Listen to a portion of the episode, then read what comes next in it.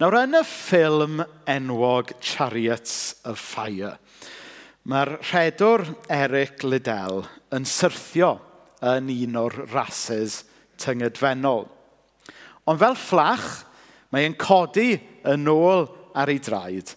Ac mae fel petai y cwimp yn superchargio fe i gael rhyw rym o'r uwch naturiol. A wedyn mae e'n dal i fyny gyda gweddill yr hedwyr Ac ar y llinell derfyn mae yn ei goddiweddyd nhw ac yn ennill y ras. Beth byddech chi wedi gwneud tasech chi wedi cwmpo fel Eric Liddell? Bydde rhan fwyaf ohono ni, wel, bydde fi ddim yn y ras i ddechrau, ond, ond Ond taswn ni mewn ras, a taswn ni yn syrthio yn gynnar yn y ras, Fydda rhan fwy ohono ni yn derbyn o'r eiliad fydden ni wedi syrthio, o oh, wel, dyna ni. Mae'n gobaith ni ar ben. Falle bydden ni yn digio, falle bydden ni yn pwdi, falle bydden ni yn chwilio i roed y bai ar rhywun arall. A mae e'n wir yn gyffredinol mewn bywyd yn dydy, pan mae pethau yn mynd yn anodd, pan, mae, pan i ni yn cael yn baglu mewn bywyd, beth bynnag mae hwnna'n edrych fel. Mae e'n hawdd i ni adael i anffawd, i anghyfiawnder neu rwyster falle yn diffinio ni a cymylu yn perspektif. Weithiau, mae'n bosib i amgylchiadau, yn arbennig pan mae pethau mynd yn rong falle, yn dal ni yn gaeth rhag byw i'r potensial mae Dyw eisiau ni i fyw. Nawr mae stori enwog Eric Riddell ynglyn â er bod e wedi syrthio, codi lan a gadlu hwnna, nath y gadlu'r cwmp i ddiffinio fo, ond mewn ffordd positif. Nath e weld bod e'n mynd i orchfygu beth bynnag ac ennill y ras.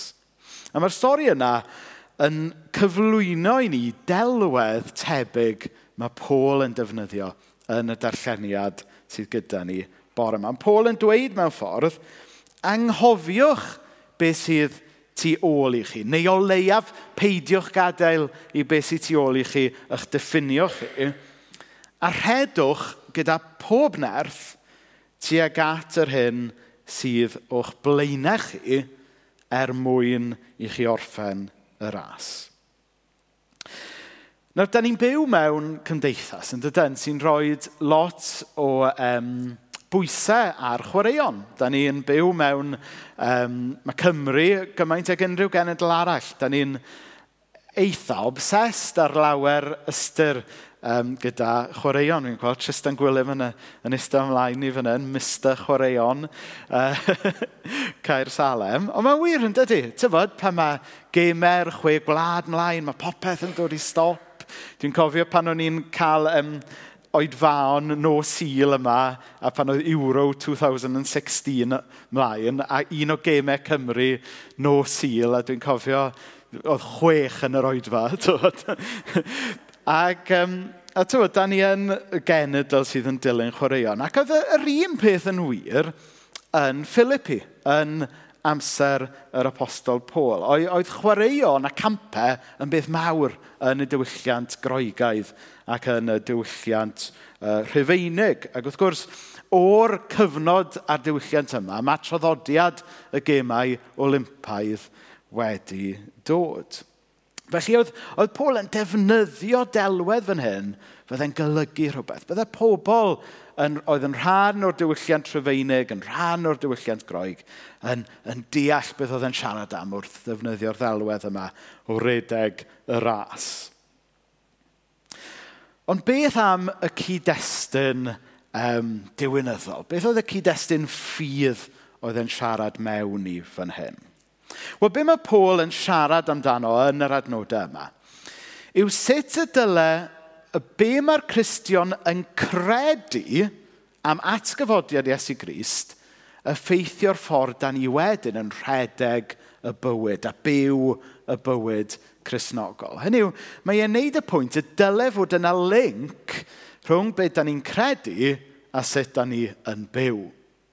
Um, um, termau i chi sy'n a diddordeb mewn pethau yma, i chi wedi clywed am y term orthodoxy, sef be da ni yn credu, credu'r pethau cywir ynglyn â Christ, ond hefyd mae gyda chi term rhan orthopraxi, orthopraxy, sef ffordd gywir o fyw y bywyd chrysnogol. A weithiau mae pobl yn yn rhoi y ddau beth mewn i gategoris hollol wahanol. Ond be mae Paul yn dweud yn yr adnodau yma yw bod y ddau peth mewn gwirionedd yn dod gyda'i gilydd. Dyle be da ni'n credu ynglyn â Iesu, effeithio'r ffordd da ni'n byw, a dyna'r ffordd da ni'n byw ddangos i bobl be da ni'n credu. Hynny yw bod be mae'r Cristion yn credu a sut mae'r Cristion yn byw i gyd fod dod gyda'i gilydd fel rhan o fyw fel dinasyddion y nefoedd yn y byd yma heddiw. Nawr, um, da ni fel Cresnogion, trwy hanes, yn credu fod Iesu wedi atgyfodi. A da ni'n credu fod Iesu wedi atgyfodi go iawn, yn llythrenol. Nid jyst bod e wedi rhyw fath o dod yn ôl fel rhyw fath o ysbryd, ond da ni'n credu bod y atgyfodiad Iesu Gris yn atgyfodiad llythrenol. A da ni'n credu fod atgyfodiad llythrenol Iesu Grist yn flaenffrwyth, yn ragflas, yn teister os hoffech chi, o'r atgyfodiad y byddwn ni gyd yn cael i brofi rhyw ddydd dyna pam nad ydyn ni fel Cresnogion, fel mae'r Beibl yn dweud, yn galaru fel rhai heb obaith. Oherwydd pan da ni'n mynd trwy amseroedd anodd, hyd yn oed pan da ni'n colli rhai anwyl i ni, da ni ddim yn galaru fel rhai heb obaith. Oherwydd yn bod ni yn credu rhyw ddydd y byddwn ni yn cael atgyfodi hefyd fel mae Iesu eisoes wedi i wneud. Dyna sy'n tu ôl y madroddion byddwch chi'n clywed mewn yngladdau fel gorffwys mewn hedd. Gorffwys er mwyn codi eto. Rest in peace and rise in glory. A mae'r darn sydd gyda ni heddiw, yr adnodau ola nes i ddarllen, yn adnodau'n aml sy'n cael ei darllen mewn yngladdau, achos bod e'n sôn oherwydd fod Iesu Grist wedi atgyfodi, mae yna obaith y byddwn ni hefyd rhyw dydd yn cael atgyfodi hefyd. So dyna yw'r yw cyd-destun sy'n mynd ymlaen gyda Paul fan hyn, yw beth mae credu yn yr atgyfodiad yn golygu a sut mae'n effeithio'r ffordd y gallwn ni ac y dylen ni fyw. A mae Paul yn disgrifio yr atgyfodiad fel y wobr mae rhywun yn rhedeg ymlaen ato fe ar ddiwedd ras. So, um, dwi erioed wedi ennill ras, so sgenna i ddim profiad o ennill ras, ond... Um, Ond, tyfod, dwi wedi watcho'r Olympics a rhywbeth ar fanna. Ac, ac ar ddiwedd y ras, da chi'n cael gwobr yn dydach, da chi'n cael medal ac yn y blaen, tyfod. So, be mae Paul yn dweud fan hyn, yr, yr hyn mae'r Christian yn rhedeg ymlaen amdano, ydy etifeddu yr atgyfodiad. Yr atgyfodiad sydd, sydd wedi dod yn Iesu ac sydd yn dod i ni trwy be mae Iesu wedi gwneud. Ond wrth gwrs, mae'r e, ddelwedd sydd gan Paul yn torri lawr yw ychydig, achos be sy'n gwneud gwobr y Cristion yn wahanol i gwobr rhywun yn yr Olympics yw does dim rhaid i ni um, yn gymaint gwneud rhywbeth i ennill yn gwobr ni, achos mae Iesu eisoes wedi paratoi y wobr i ni. So dyw e ddim yn gymaint fel bod angen i ni redeg y bywyd chrysnogol er mwyn um, ennill y wobr. Mae'r wobr eisoes wedi cael ei ennill achos fod Iesu eisoes wedi atgyfodi. So mae mwy ynglyn â claim your prize – yn fwy na earn your prize. Chi'n chi deall beth sy'n gyda fi? Ond dyw hwnna ddim yn wneud yr ras yn llai pwysig, achos da ni dal eisiau meddiannu'r wobr sydd yna i ni, yn dydyn. Um, ond eto, mae'r cymhellion slightly gwahanol yn dydy. Nid oes dim rhaid i ni fyw bywyd grisnogol in trepidation, o, oh, Ydw i wedi byw bywyd digon da? Ydw i wedi rhedeg y ras digon cyflym? Fydda i ddim yn gwybod tan bod fi'n cyrraedd y diwedd. Na, does dim rhaid i chi rhedeg y ras in trepidation. Gwych chi rhedeg y ras mewn ffydd achos mae'r wobr yna i chi'n barod. Achos mae Iesu wedi ennill e ar eich rhan chi. So rhedwch y bywyd Cresnogol, nid to earn your prize, but to claim your prize sydd wedi cael ei roi i chi fel rhodd gan Iesu.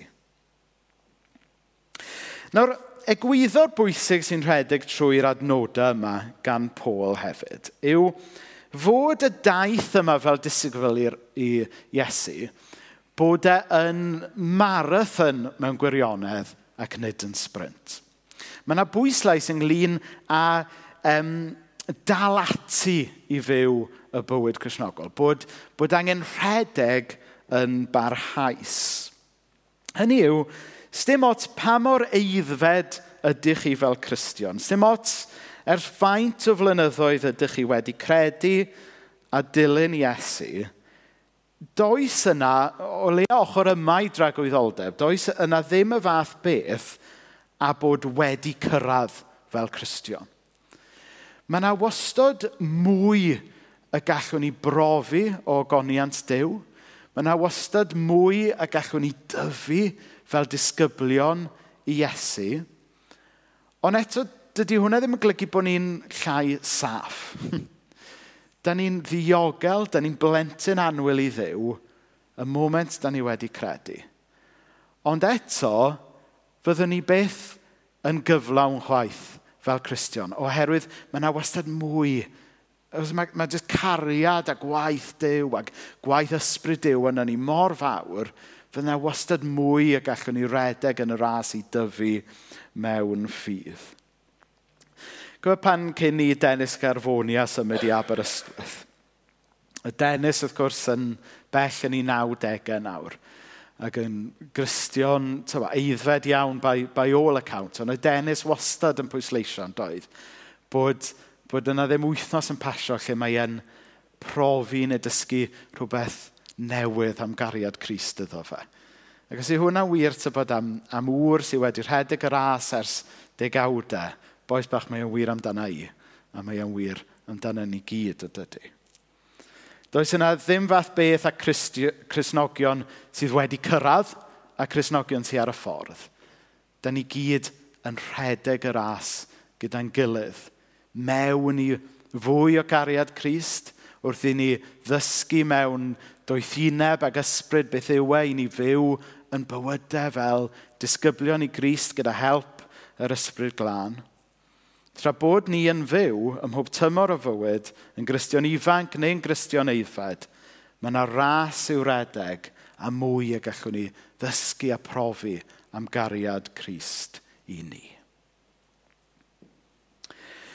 Nawr, un o'r um, pethau diddorol am fyw y bywyd chrysnogol yng ngoleini yr atgyfodiad yw fod yna chydig bach o ddirgelwch a paradox i'r peth.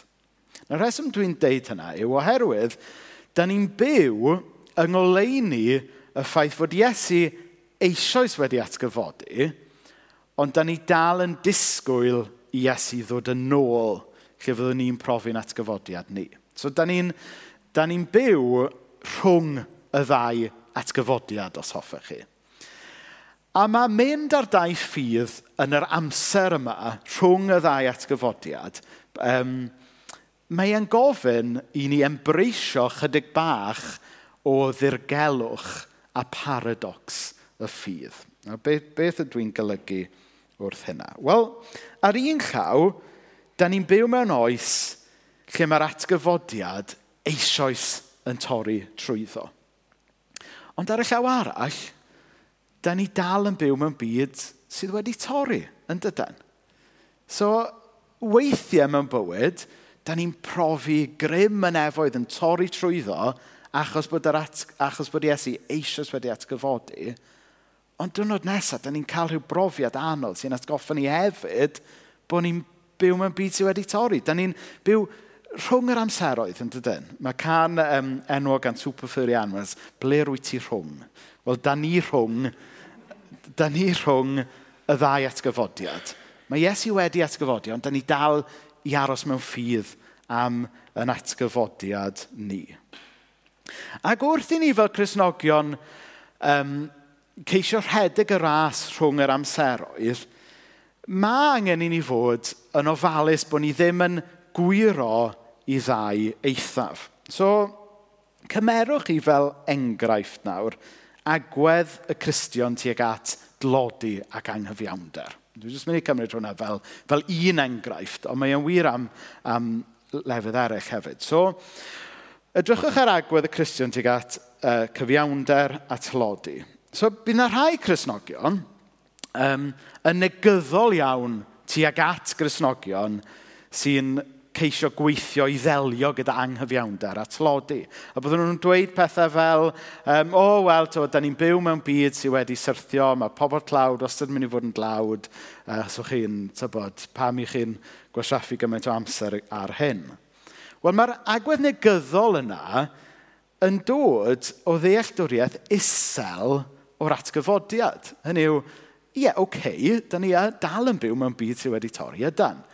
Ond achos bod Iesu wedi atgyfodi, mae grym y byd sydd i ddod eisoes yn torri trwyddo. Ac felly, da ni fel Cresnogion yn cael yn galw i roi blas i bobl yn y byd yma o'r byd sydd i ddod. Ac yn benodol gyda'r enghraifft yna, mae'n golygu bod ni'n dangos bod cyfiawnder yn bwysig ac yn bosib. Mae o'n golygu sefyll fyny dros y rhai fydd yn cael cyfiawnder llawn pan fydd Iesu'n dod nôl. Ond fel Cresnogion, dyn ni'n cael yn sefyll. Ond yr eithaf ar y pegwn arall wedyn, yw uh, rhai Cresnogion falle sy'n sy, frwd iawn dros ymladd am gyfiawnder, dros warchod y tlawd.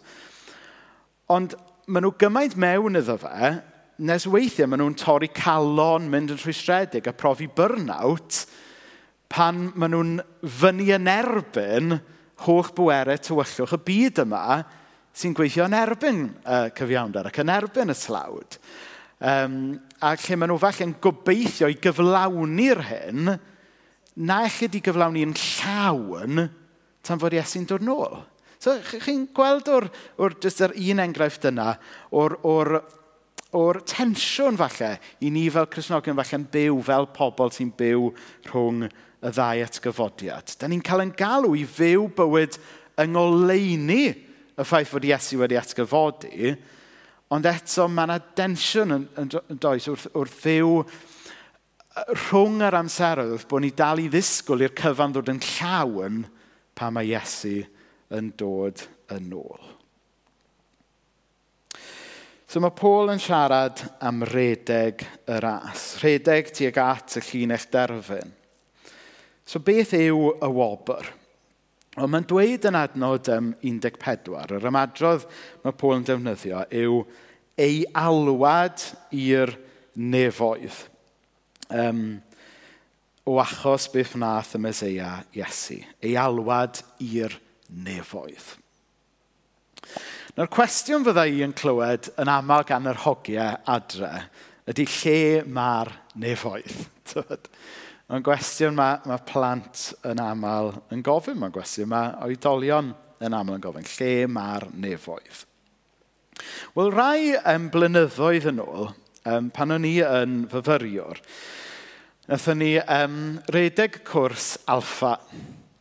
Ac um, nathon ni redeg cwrs alfa sawl gwaith. Ac gyda ni ffrind annwyl iawn, um, oedd... Um, neu torri y darn yma allan, allan o'r o'r podcast. Um, ond yn ffrind iawn oedd yn recovering alcoholic. Ac, um, a be, be sy'n ddiddorol am, am oedd e dal gyda'r addictive personality ac ath yn addicted i'r cwrs alfa. so nath e ddod o 3 neu 4 cwrs alfa sydd ar ôl gilydd oedd yn lyfio dod i alfa.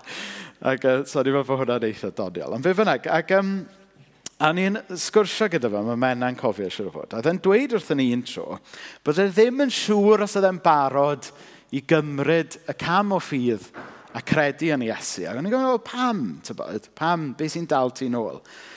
Achos a'r ateb nath yr oed yn ddiddorol oedd, oedd e'n meddwl bydde treulio tragwyddoldeb yn y nefoedd yn boring. a wedyn o'n i'n holfo, pam te? Tybod, a wedyn, um, O, o, oherwydd oedd ganddo fe'r caricature yma o beth yw'r nefoedd. A i chi gyd yn gwybod beth yw'r caricature. Um, I chi sy'n dilyn am Cersalem ar Facebook, nes i um, to, artificial intelligence ydy popeth nawr. So ar Photoshop adre, nes i teipio mewn, nes i agor fel blank page, a wedyn teipio mewn um, heaven. A wedyn, y llun ddath e fyny gyda o beth oedd nefoedd. A oedd eto'r caricature yma, ti'n bod, yr, yr, yr awyr las a'r um, cymylau gwyn perffaith, ti'n gwybod. A dyna yw'r caricature um, o'r nefoedd. Ti'n Tyfo, pobl yn eistedd gwmpas mewn bathrobes gwyn, a ti'n tyfo, rhywun yn chwarae'r delyn yn y, yn y gornel, rhyw fath o glorified health spa meets dechrau canu, dechrau camol. Ac ie, yeah, o'n i'n gallu deall fy ffrind, o'n i'n swndio bach yn boring, dydy. Dydy ddim yn swndio fel rolau byddwn ni eisiau bod yn dda am byth. Ac um, mae'n ddiddorol, yn dydy, yr syniad caricature yma o beth ydy'r nefoedd. Ac os i ni'n edrych ar y Beibl, mae'r mae'r syniadau sydd yn y Beibl ynglyn â beth ydy'r nefoedd yn wahanol iawn i'r syniadau dyn ni'n gweld mewn cartŵns, mewn celf, mewn diwylliant poblogaidd. Ac, um, a mae'r eglwys llawn gymaint a diwylliant poblogaidd falle wedi gor-sentimentaleiddio a gor-simileiddio be mae'r nefoedd yn golygu. Mae'r eglwys dros y canrifoedd falle wedi um, pregethu mae'r unig beth yw'r nefoedd ydy cael dianc o'r byd materol a fflwtio off i rhyw fyd ysbrydol. Ond i chi sydd yn um, licio athroniaeth, byddwch chi'n gwybod mai pla platoniaeth ydy hynna, nid chrysnogaeth. Mae'r ma, ma chrysnogaeth actually yn fwy corfforol. Mae'r gobaith chrysnogol yn fwy corfforol na hynny. A ni'n gwybod hyn achos fod Iesu wedi atgyfodi yn llythrenol ac yn gorfforol.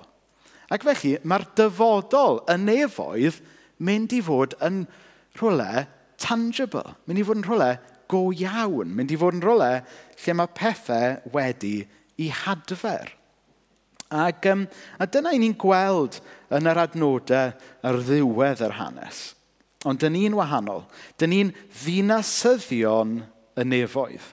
Ac yn edrych ymlaen yn frwd i'n hachubwr yr arglwydd Iesu Grist, ddod yn ôl o'r nefoedd. Chi sylwi ar y, ar y direction of travel fyna? Nid yn gymaint ni'n fflotio i ffwrdd i'r nefoedd, ond Iesu'n dod yma a'r nefoedd. A mae yna un o'n ymynau cyfoes ni yn, yn dalen dda, tybod, bod Iesu yn dod a'r nefoedd i lawr yma. Um, bydd yn trawsffurfio ein cyrff marwol tyla ni ac yn ei gwneud yr un fath a'i gorff rhyfeddol ei hun. So, nawr mae Iesu wedi atgyfodi yn llythrenol ac yn gorfforol. So mae yna e- elfen llythrenol a corfforol mynd i fod i'n dyfodol a'n atgyfodiad a nefoedd ni. Drwy'r grym sy'n ei alluogi, osod pob peth dan ei reolaeth ei hun. So mae'n ddiddorol yn dydy. Dydy'r Beibl ddim yn gorffen gyda gweledigaeth o bobl yn mynd fyny i'r nefoedd, ond hytrach mae e'n gorffen gyda gweledigaeth o Iesu yn dod i lawr a sefydlu deiar newydd a nefoedd newydd. Fydd e ddim yn rolau boring. Fydd e ddim yn rolau le fydd pawb yn gwisgo'r un peth. Fydd e ddim yn rolau le fydd pawb yn siarad yr un iaith. Fydd e ddim yn rolau lle fyddwn ni'n bod steff. Ond bydd e'n rolau lle fydd yna ddiwylliant. Fydd e'n rolau lle fydd yna gerddoriaeth. Fydd e'n rolau lle fydd yna gael. Fydd e'n rolau lle fydd yna genhedloedd a ieithoedd, ond heb ryfel, ond undod yn addoli Iesu Grist. Ac felly, um, a ni'n gweld hwn, sori, yn dasgyddiad um, 21, le i ni nawr? Fi wedi mynd holl a goll yn sleids fi nawr. Dy, dy, dy, um, yna gwelais nefoedd newydd a deiar newydd. Roedd y ddeiar a'r awyr gyntaf wedi diflannu. Doedd y môr ddim yn bodoli dim mwy. Wedyn clywais lais o'r orsedd yn coeddi'n glir. Fydd dim marwolaeth o hyn ymlaen. Dim galaru, dim wylo, dim poen. Mae pethau fel roedden nhw wedi mynd. Dyma'r un oedd yn eistedd ar yr orsedd yn dweud, edrychwch, dwi'n gwneud popeth yn newydd. Mae'n hyfryd, yn dydy? Dyma yw'r gobaith chrysnogol. Dyma yw y wobr i ni'n rhedeg y ras tuag ato fe. Ac achos fod Iesu eisoes wedi atgyfodi, da ni'n cael yn galw i roi blas i bobl heddiw o'r hyn sydd i ddod. Mae pob un ohono ni, os ydym ni yn credu ac yn dilyn Iesu Grist, yn llysgenhadon o'r byd sydd i ddod yn y byd toredig yma. Y nod a'r llinell derfyn i Pôl yw nid rhyw fath o nefoedd haniaethol i fferi, ond yn hytrach deiar a nefoedd newydd. Un lle fydd ddim poen, un lle fydd dim arwolaeth, lle fydd dim rhyfel. Fel o'n i'n dweud, rhywle lle fydd dal diwylliant, lle fydd dal gwaith i wneud, lle fydd pobl dal yn gallu dilyn i passions a'i galwad, ond byd lle bydd melldydd pechod wedi godi unwaith ac am byth. A mae hwnna yn newyddion da. Dyma yw'r efengil grisnogol. Dyma i ni'n gwybod sy'n mynd i ddigwydd achos bod Iesu eisoes wedi atgyfodi, a dyma da ni'n dal ymlaen iddo fe wrth bod ni'n rhedeg y ras a'n llygaid ar Iesu a'i atgyfodiad. Dyma beth yw e, i fyw rhwng y ddau atgyfodiad.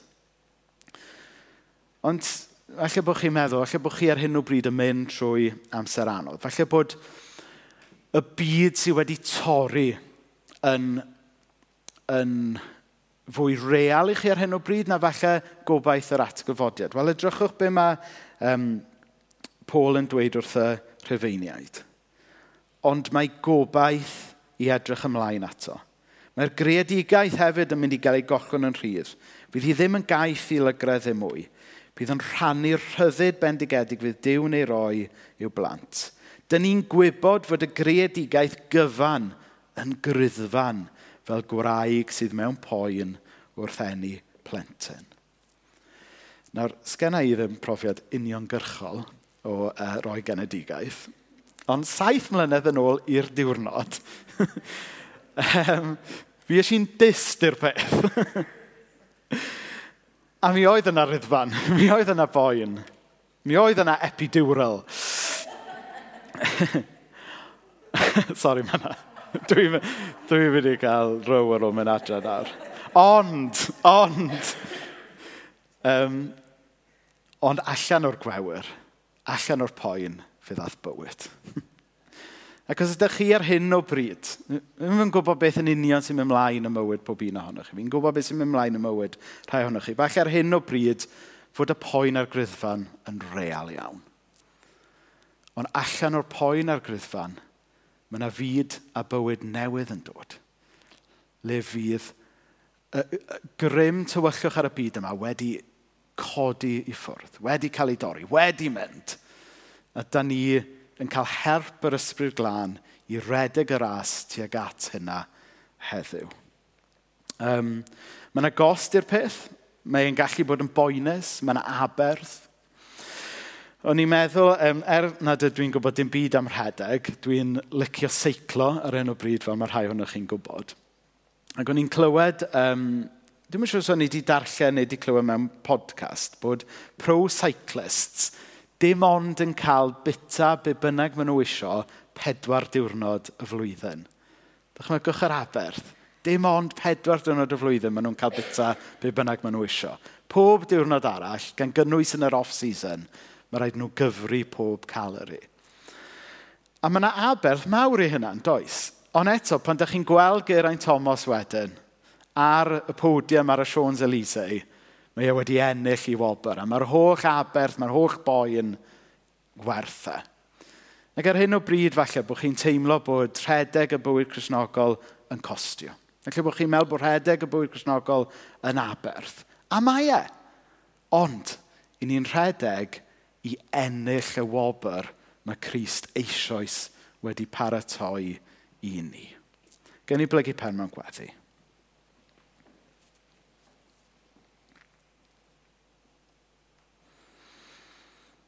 O ddiw dad, dwi jyst yn cyflwyno pawb sydd yma yn bersonol ac yn anwyl i ti. Dyna ni diolch bod ti wedi atgyfodi i roed bywyd i ni. Dyna ni'n diolch bod ti wedi atgyfodi a bod y nefoedd sydd i ddod, y ddeiar newydd, y nefoedd newydd, byd perffaith heb echod, heb boen, yn anwobr i ni. O ddiw dad, helpa bob un ohono ni feddwl am yn galwad ni heddiw i fyw bywyd yn rhedeg ar dy ôl di. Maddau ni falle am um, gochi'n hunan yn y manion, am syrthio i fyw bywyd um, deddfol, legalistic, yn poeni am man reola. Helpa ni fyw bywyd le ni jyst yn cadw'n llyged arno ti. Helpa ni fyw bywyd lle da ni yn da addoli di ym mhob rhan o'n bywyd o ddiw dad. O ddiw dad, llenwa ni o'r newydd gyda'r ysbryd glân. Allwn ni ddim rhedeg y ras yn y nerth yn hunain. Ond mae e'n fendith rhedeg y ras yn nerth dy ysbryd di. Helpa ni o ddiw dad i fyw yn ddisgwylgar. Helpa ni fod yn real ynglyn â'r ffaith bod ni dal yn byw mewn byd wedi torri, ie. Yeah.